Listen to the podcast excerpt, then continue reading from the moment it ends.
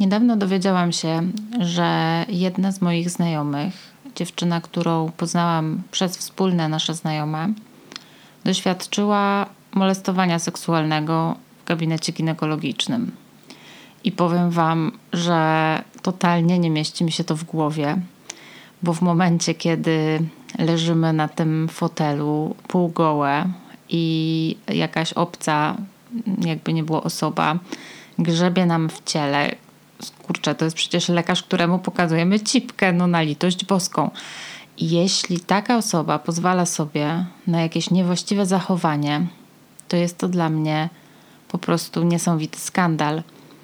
I w ogóle jakakolwiek dyskryminacja czy molestowanie u lekarza, no to jest chyba najgorsza, nie wiem czy to można to stopniować, ale no to jest jakiś już przedsionek piekła, bo przecież lekarz jest osobą, do której przychodzimy w zaufaniu, której mówimy o swoich y, problemach, któremu y, pozwalamy no, dotykać właśnie naszego ciała, dopuszczamy go do naszej intymności. I jeśli ta osoba przekracza jakieś granice, wydaje mi się, że trudno się po czymś takim pozbierać. I słuchajcie, żeby nie było tak, że nic nie zrobiła. Otóż zrobiła. Przede wszystkim napisała e, opinię na portalu Znany Lekarz, bo to skądinąd był dosyć znany lekarz. No i tutaj jest pierwszy w ogóle ząg, dlatego że nie wiem, czy wiecie o tym, ale znany lekarz ma swoje zasady i swój regulamin na temat tego, co można publikować, a co nie. Rozumiem to, bo łatwo można by rzucać jakieś bezpodstawne oskarżenia pod adresem lekarzy albo dawać jakąś niemerytoryczną krytykę. E, ale no nie było łatwo z tą opinią i musiała poradzić się prawniczki, jak napisać ją w taki sposób, żeby znany lekarz ją zaakceptował. Tutaj oskarżenie o molestowanie seksualne no to jest grubego kalibru, więc po części rozumiem, ale z drugiej strony, jak mamy zgłaszać dyskryminację i niewłaściwe sytuacje, jeśli no, taka najbliższa instancja, czyli właśnie ten portal, ma tak surowe reguły. Po drugie, postanowiła ostrzec swoje znajome i postanowiła ostrzec też dziewczyny zrzeszone na jednej z największych chyba grup w Polsce, czyli Dziewuchy Dziewuchom. No i jak się możecie domyślać, e, tam w komentarzach to już się rozpętało prawdziwe piekło, bo to jest znany lekarz i wiele kobiet, wiele dziewczyn zna go i ma o nim jak najlepsze zdanie i jak najlepsze opinie, więc no, musiała się naczytać, że coś sobie wymyśliła, coś sobie uroiła, że przecież to niemożliwe, żeby on się tak zachował. Wiecie, ja nie wiem dokładnie, jaka była sytuacja, bo to jest tak intymna i trudna sytuacja, że nie oczekuję, że ona będzie ze szczegółami o tym opowiadać na forum. Natomiast wierzę, że jeżeli ktoś decyduje się powiedzieć o molestowaniu w gabinecie lekarskim, no to znaczy, że coś takiego się stało. I tak sobie myślę, że wiele z nas, wielu z nas musiało doświadczyć jakiejś formy dyskryminacji, czy to u lekarza, czy w miejscu pracy, czy w jakiejś innej sytuacji. Dyskryminacji ze względu na płeć, y, ze względu na orientację, ze względu na wagę, na przykład, ze względu na wygląd i tak dalej. I postanowiłam porozmawiać z kimś, kto zajmuje się zawodowo przeciwdziałaniem dyskryminacji i zapytać o to, co tak naprawdę możemy zrobić, kiedy spotka nas taka sytuacja. Bo napisanie posta na Facebooku jest ok, ale no musimy pamiętać, że Facebook to jest nasza bańka i co z osobami, które są poza tą bańką, ta informacja do nich nie dotrze. A możemy zrobić całkiem sporo, jak się okazuje, i o tym właśnie postanowiłam porozmawiać z moją gościnią, Karoliną Kędziorą, radczynią prawną, prezeską Polskiego Towarzystwa Prawa Antydyskryminacyjnego. Karolina specjalizuje się we wspieraniu osób doświadczających dyskryminacji i doradza też pracodawcom, jak dyskryminacji przeciwdziałać. A ja zapytałam ją przede wszystkim o to, co zrobić, kiedy doświadczymy dyskryminacji albo molestowania seksualnego w gabinecie lekarskim i czy w ogóle często spotyka się z tym problemem. Posłuchajcie, co powiedziała Karolina. To jest dla mnie zaskakujące, dlatego że mm, od wielu lat nieustannie zajmuję się przeciwdziałaniem dyskryminacji e, i trafia do nas, do mojej organizacji, do naszej organizacji wiele spraw z różnych obszarów życia.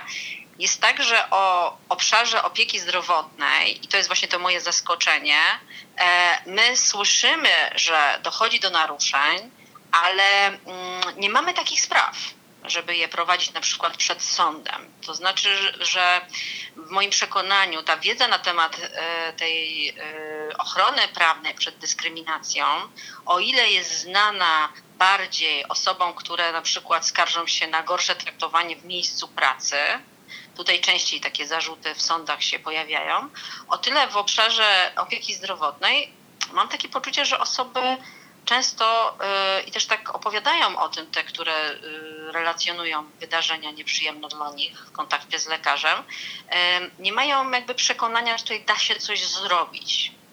Nie mają wiedzy, że są przepisy, które można wykorzystać, a jeżeli nawet myślą o tym, że takie przepisy są, no to się wahają przed tym, żeby już uciec się do takiej radykalnej rzeczy, jaką jest postępowanie sądowe. Przekierowałabym dlatego e, tutaj uważność osób, które słuchają na przykład dzisiejszego naszego spotkania, e, nie na już e, wytoczenie ciężkich dział i kwestie sądowe, choć to na końcu drogi jak najbardziej zalecam w, w ochronie swoich praw, ale chciałabym bardziej zwrócić uwagę na takie e, mniej radykalne posunięcia, które wcześniej można wykonać i które być może będą efektywne.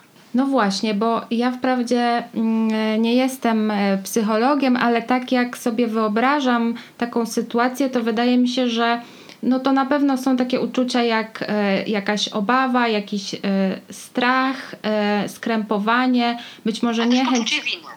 Y, i być może niechęć wracania już do tej sytuacji, ale jeśli już y, ktoś takiej sytuacji doświadczy, to co może zrobić? Nie od razu musi występować właśnie na drogę sądową, ale jakie ma inne narzędzia, którymi dysponuje, żeby sprawę gdzieś zgłosić, jeśli doświadcza właśnie dyskryminacji w gabinecie lekarskim? Czyli ja zanim do tego przejdę, odpowiedzi na to pytanie, to chciałabym też jakby chociaż króciutko odnieść się do takich aspektów społecznych, e, które utrudniają nam e, reakcje, e, jakieś takie szybkie, zdecydowaną ochronę swoich praw. Jeżeli mówimy o mm, na przykład dyskryminacji w postaci molestowania seksualnego, bo to jest jedna z form dyskryminacji, która spotyka najczęściej kobiety, no to tutaj jakby problem reagowania, i to również odnosi się do innych obszarów życia, żeby było jasne, kobiety, które spotykają się z molestowaniem seksualnym w miejscu pracy też mają podobne trudności. Tutaj e, często kobiety, które są socjalizowane, wychowywane w takim poczuciu, że mają być grzeczne, miłe, nie robić problemu, one po prostu, my, nie one, to też jest mowa o mnie, też jestem kobietą socjalizowaną w warunkach polskich. Mamy e, dużą trudność, żeby stawiać granice. Do tego jeszcze, jeżeli po drugiej stronie mamy kogoś, kto mm, reprezentuje zawód zaufania publicznego, czyli tego lekarza, prawda? Kogoś, kto jest taki ważny w tej hierarchii społecznej, kogoś, kto, od kogo tak dużo zależy, kogo trzeba słuchać, komu trzeba zaufać, no to tym bardziej tutaj ta trudność z stanowczą reakcją e, rośnie.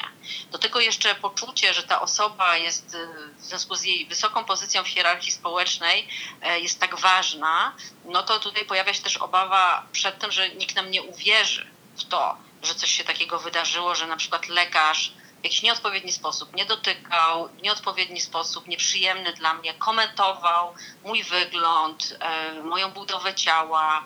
No tych sytuacji tutaj e, może być bardzo mm, wiele. No właśnie, przepraszam, że, że, że ci przerwę, ale mm, no właśnie, bo tak myśląc o dyskryminacji y, w gabinecie lekarskim, to nie musi być molestowanie, to może być właśnie na przykład, nie wiem, komentowanie w jakiś nieprzyjemny sposób naszej wagi czy wyglądu albo tak, niepełnosprawności. Tak. Ale też słyszałam o przypadkach, kiedy lekarze odnoszą się do kwestii e, religii, wyznania, wiary komentują to na przykład, że jako, że kobieta powinna to lub nie powinna czegoś, jako e, osoba, która żyje w państwie katolickim, jako katoliczka na przykład. E, to są różnego rodzaju komentarze, które wtedy, kiedy odnoszą się do takich kwestii jak pochodzenie narodowe, jak kolor skóry, jak e, nie wiem, właśnie religia, wyznanie albo orientacja seksualna, o tym też słyszałam niejednokrotnie, gdzie osoby, które na przykład rozmawiają z lekarzem specjalistą w zakresie ginekologii, mówią o tym, że, e, no bo jest to jakby związane na przykład z tematem wizyty, że są w relacji jednopłciowej e, kobiety, no to e, spotykają się z bardzo różnymi, absolutnie niewskazanymi, niemerytorycznymi komentarzami, które muszą, mogą nosić znamiona molestowania, szykan związanych z orientacją, zachowania, które narusza godność tych osób, prawda? Więc e, tych podstaw dyskryminacji może tu być e, gorszego traktowania bardzo wiele. E, I ja stoję na stanowisku, żeby oczywiście dbając o siebie i nie jest tak, że każdy ma jakąś dużą łatwość, asertywność w reagowaniu, ale na tyle, jest, ile to jest możliwe, reagować. Nawet jeżeli mamy trudność, żeby postawić granicę bezpośrednio lekarzowi, który zachowuje się w sposób nieodpowiedni w gabinecie, no to wtedy właśnie można zastanowić się nad tym, gdzie mogę złożyć skargę. Komu powinnam, powinienem, bo to też może spotkać mężczyznę, zasygnalizować niewłaściwe zachowania lekarza, czyli zachowanie, które sprawia, że mam na przykład gorszy dostęp do danej usługi, e, pozbawia się mnie na przykład możliwości skorzystania e, z, jakiejś, z jakiegoś wsparcia medycznego, na przykład ze względu na stan, na wiek ponieważ lekarz twierdzi, że już nie, szkoda wydawać pieniądze na przykład na taką starszą osobę. Tutaj o tym też często słyszę, że osobom starszym odmawia się pewnych usług, które są kosztowne, e, twierdząc, że jakby tutaj szkoda tego wydatku ponosić ta osoba i tak już jest w takim wieku, że po co jej to na przykład.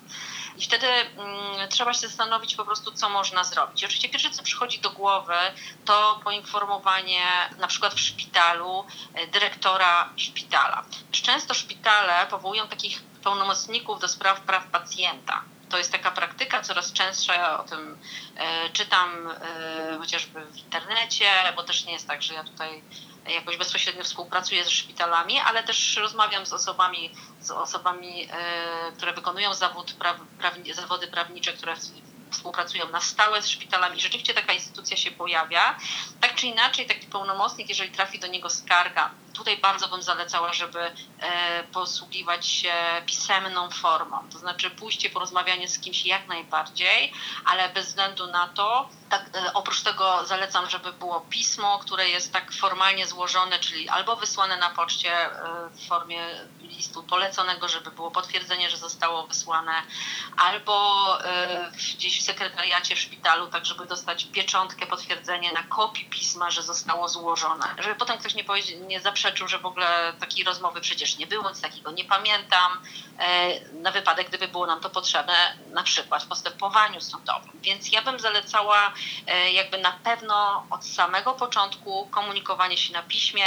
Tam powinna być jasna informacja, kogo ta skarga dotyczy, jakiego lekarza, jakiego dnia, w jakich godzinach, jaka osoba doświadczyła tego gorszego traktowania i dokładny opis stanu faktycznego, opis sytuacji, co dokładnie się wydarzyło, co powiedziałam, co odpowiedział lekarz, czy powiedziałam, że sobie nie życzę, czy w jakiś inny sposób zareagowałam, dając znać, że na przykład mi się to nie podoba, czy jeżeli tego nie zrobiłam, to dlaczego, bo się na przykład bałam, bo byłam w niezręcznej sytuacji, bo byłam rozebrana, bo nie wiem, jakieś inne okoliczności stały na przeszkodzie. Dobrze tam poprosić o informację zwrotną, napisać, że bardzo proszę w terminie na przykład, nie wiem, 14 dni o informację, co szpital dalej zrobi z tą sprawą, czy zostaną wyciągnięte jakieś konsekwencje w stosunku do lekarza. E, można tam też napisać, że oczywiście osoba, jeżeli jest taka potrzeba, może złożyć dodatkowe wyjaśnienia, jeżeli będą jakieś wątpliwości. I to jest jakiś ślad. Po prostu jest tak, że jeżeli mam do czynienia z instytucją publiczną, jeżeli to jest na przykład nic w szpitalu się nie wydarzy, no to wtedy, jeżeli to na przykład jest szpital e, powiatowy, wtedy możemy złożyć skargę do podmiotu, który zakładał ten szpital, czyli do starostwa. Jeżeli szpital miejski, do prezydenta miasta. E, jeżeli jest to szpital wojewódzki, wtedy możemy pisać odpowiednio do marszałka wojewódzkiego. I teraz na przykład na poziomie województwa są departamenty do polityki zdrowotnej i województwa specjalnie powoływane, dedykowane temu, żeby zajmować się również tego typu zagadnieniami. Jeżeli E, te wszystkie sposoby reagowania nas zawodzą, no to wtedy czyli są albo są nieefektywne, no wtedy można się zastanowić nad pozwem o naruszenie dóbr osobistych tak naprawdę. Ustawa o prawach pacjenta e, i Rzeczników Praw Pacjenta jest taka, Rzeczników Praw Pacjenta jest taka ustawa, w artykule czwartym mówi o tym, że można domagać się zadośćuczynienia na drodze sądowej za krzywdę w razie zawinionego naruszenia praw pacjenta. Tak to jest zapisane. Tutaj ustawa odwołuje, mm, odnosi się do tej formy zadośćuczynienia, jak, jaka jest przewidziana w przepisie, w kodeksie cywilnym odnośnie naruszenia dóbr osobistych, bo taki lekarz, który zachowuje się w sposób y, niewłaściwy, który narusza naszą godność, który narusza nasze prawo do prywatności, e, który narusza nasze, nasze uczucia religijne, tutaj w zależności od zachowania można by różnie nazwać, właśnie dobro osobiste nasze, które zostało e, pogwałcone przez tego lekarza w trakcie świadczonej usługi. E, no i tutaj można się domagać jakichś kwoty, y, która miałaby nam to rekompensować, a co najważniejsze, y, takie niezostawianie sprawy y, i zwyczajnie pełni też taką funkcję edukacyjną, raz w stosunku do tego konkretnego lekarza, którego zachowaniu się przeciwstawiamy, ale jeżeli mówimy tutaj o właśnie jakimś lekarzu, który działa w ramach instytucji szpitala, to może mieć przełożenie w ogóle na postępowanie wielu innych e, lekarzy, lekarek, którzy w tej instytucji pracują. Więc nawet sobie wyobrażam, że na poziomie Narodowego Funduszu Zdrowia, jeżeli będziemy sygnalizować, że w jakimś szpitalu źle się dzieje i pewne zachowania są akceptowane, to na tym poziomie również e, możliwa jest jakaś kontrola, reakcja, która może jako egzekwować od podmiotów prowadzących e, szpitale, e, żeby e, właściwe zarządzanie szpitalem rozumiały również poprzez pilnowanie tych standardów równościowych. A jakie mogą być konsekwencje dla takiego lekarza? Co się może zadziać?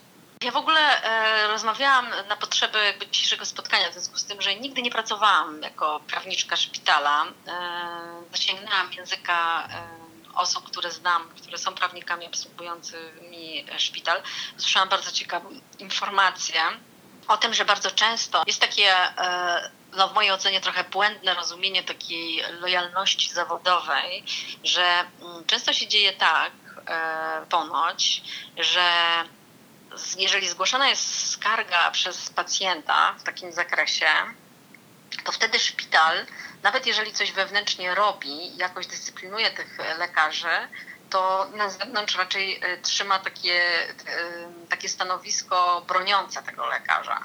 E, no oczywiście to nie jest satysfakcjonujące i jako pacjentka chciałabym wiedzieć, co szpital zrobił z lekarzem, który zachował się w sposób nieodpowiedni. Wyobrażam sobie, że tutaj taki lekarz, który jest na przykład na etacie, E, to jest osoba, która jest pracownikiem po prostu takiego szpitala. I wyobrażam sobie, że takie niewłaściwe zachowania mogą być podstawą do tego, żeby na podstawie kodeksu pracy zastosować jakieś środki dyscyplinujące. I to może być jakieś upomnienie, nagana, a czasami może nawet, e, kiedy pracodawca uzna, że zachowanie lekarza stanowi ciężkie naruszenie podstawowych obowiązków pracowniczych, e, może dojść nawet do rozwiązania stosunku pracy i to w trybie dyscyplinarnym, czyli takim natychmiastowym.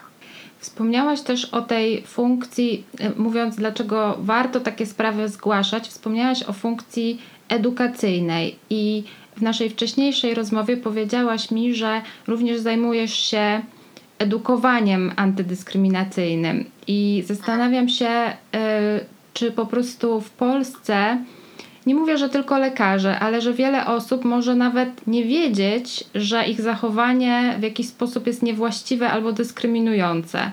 To jest, e, to, jest, to jest bardzo ważny temat e, świadomości, wrażliwości e, naszego społeczeństwa na temat właśnie odnośnie tych standardów antydyskryminacyjnych. My często nie wiedząc, co jest dyskryminacją, molestowaniem seksualnym, e, mobbingiem też, nie umiemy, raz, że nie umiemy sami siebie chronić, bo nie jesteśmy pewni, czy to, co nas spotyka, to już jest e, na tyle poważne, że powinniśmy reagować, ale też e, sami możemy stosować takie zachowania w stosunku do innych, jak również jako osoby, które obserwują takie zachowania, że komuś innemu dzieje się krzywda, czy jesteśmy świadkami, świadkiniami ich, często sobie jakoś to tłumaczymy, że to nie moja sprawa, też brak takiej solidarności społecznej, czy brak, nie mogę powiedzieć, że brak, ale no, chciałabym, żeby to się rozwijało w takim kierunku coraz większego poczucia wspólnoty i potrzeby reagowania, jak widzę, że się komuś coś źle dzieje. Z tą edukacją antydyskryminacyjną mam takie poczucie, że przez te wszystkie lata, kiedy zajmuję się tym tematem, bardzo dużo się w Polsce wydarzyło dobrego. Naprawdę jesteśmy w zupełnie innym miejscu. Ja od lat szkolę różnego rodzaju podmioty. Ja i w szpitalach szkoliłam personel, i w urzędach, i w dużych firmach, korporacjach, e, i środowisko prawnicze. Naprawdę y, trudno mi powiedzieć, jakiej grupy jeszcze społecznej nie szkoliłam. E, I w związku z tym, że robię to od tak wielu lat, to widzę, że my jesteśmy teraz e, często na tych szkoleniach już trochę w innym punkcie startowym. To znaczy nie jest tak, że osoby zupełnie nic nie wiedzą, ale jednak ciągle pewne kwestie nie są jasne. I tutaj jednak państwo powinno odpowiadać za tą porządną edukację antydyskryminacyjną, a jak e, na tyle, ile mam wiedzę na temat, e, nie wiem, chociażby tego, na, na ile te tematy są poruszane i jak są traktowane w szkołach chociażby, w przedszkolu, w szkole podstawowej, nie wiem, na studiach, w liceum, no to ciągle to jest jakiś, zależy bardzo od dobrej woli konkretnych nauczycieli, którzy chcą się temu tym zająć, choć, choć trochę. E, jest, więc jest ciągle takim trochę przypadkiem, o ile się ta edukacja antydyskryminacyjna wydarza. Ja na szkoleniach spotykam już osoby dorosłe i one często mówią o tym, że pierwszy raz mają okazję w życiu, żeby na takim szkoleniu, które na przykład trwa jeden dzień, w ogóle sobie zadać pytanie, co to jest dyskryminacja? Skąd ona się, co, ją, co do niej prowadzi? Czym jest stereotyp, uprzedzenie? jaki ma to związek z dyskryminacją, czy mamy jakąś swoją trudną grupę e, i tak dalej. I te wszystkie pytania są, okazuje się, dla tych osób, które nawet e, nie jest tak, że wszystkiemu przytakują i nie mają żadnych wątpliwości, ale które jednak oceniają jako ważne. Ja zachęcam do takiej refleksji, do tego, żeby e, do tego, żeby na każdym etapie życia mieć tą uważność na też e, to, co się dzieje obok nas, nawet jeżeli nas bezpośrednio nie dotyczy.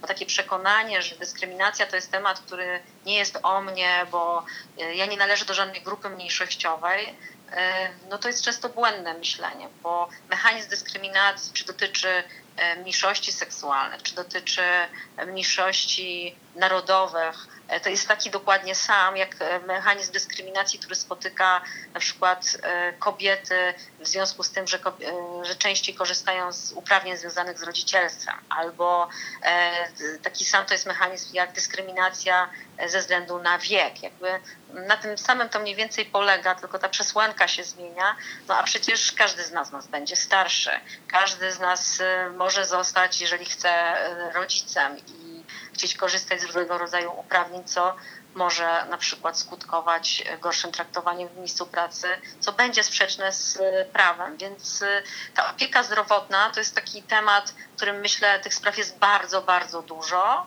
ale przez to, że tej refleksji, y, tej edukacji na poziomie państwa y, antydyskryminacyjnej brak albo jest bardzo po macoszemu traktowana, no to też takie osoby, które czują wewnętrznie nawet, że coś jest nie tak, że lekarz zachowuje się niewłaściwie, nie będą miały takiej pewności, żeby zdecydowanie reagować, już nie wspominając o tym, żeby składać skargi, a powinniśmy to robić, bo jeżeli my tego nie będziemy robić, no to e, to jest taki zaklęty krąg. Jeżeli nie będziemy reagować, to ci, którzy stosują te dyskryminacyjne praktyki, będą po prostu uważać, że dobrze robią i będą kontynuować w stosunku do różnych osób tego typu zachowania.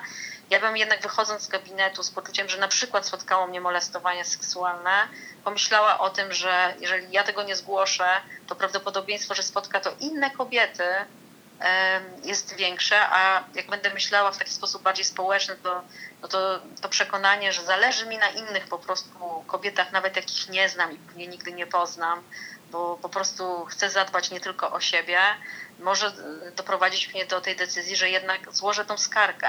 A co sądzisz jeszcze o pisaniu opinii, na przykład o takim lekarzu, czy to na tym portalu Znany Lekarz, czy na przykład na Facebooku? My mhm. też sobie robimy z tych portali społecznościowych jakąś taką, e, taką przestrzeń. Rozumiem, że niektórzy traktują to jako bezpieczną przestrzeń, ale ja nie jestem pewna, czy ona jest taka bezpieczna, to raz. A dwa, pytanie, na ile to jest efektywne, no bo co my chcemy osiągnąć? Chcemy chronić inne kobiety na przykład, tak? Dlatego dajemy ostrzeżenia. Tylko my w tych portalach społecznościowych żyjemy w swoich bańkach i dotrzemy pewnie do jakiejś ograniczonej ilości osób. I można to oczywiście zrobić, tylko ja bym jednak skłaniała się ku temu, żeby spróbować e, zrobić coś, co ma szansę na jakąś lepszą efektywność, czyli złożenie skargi do szpitala, e, do Urzędu Miasta, jeżeli to jest szpital miejski, do e, Okręgowej Izby Lekarskiej, no to jest coś, co jakby mm, oczywiście nie daje nam gwarancji właściwej reakcji. Nigdy nie możemy mieć na 100% takiej pewności, ale zróbmy też to. Jeżeli chcemy po prostu sobie ulżyć na E, Facebooku i powiedzieć wszystkim, że ej, nie chodźcie do tego lekarza, on się zachowuje niewłaściwie, to możemy to zrobić.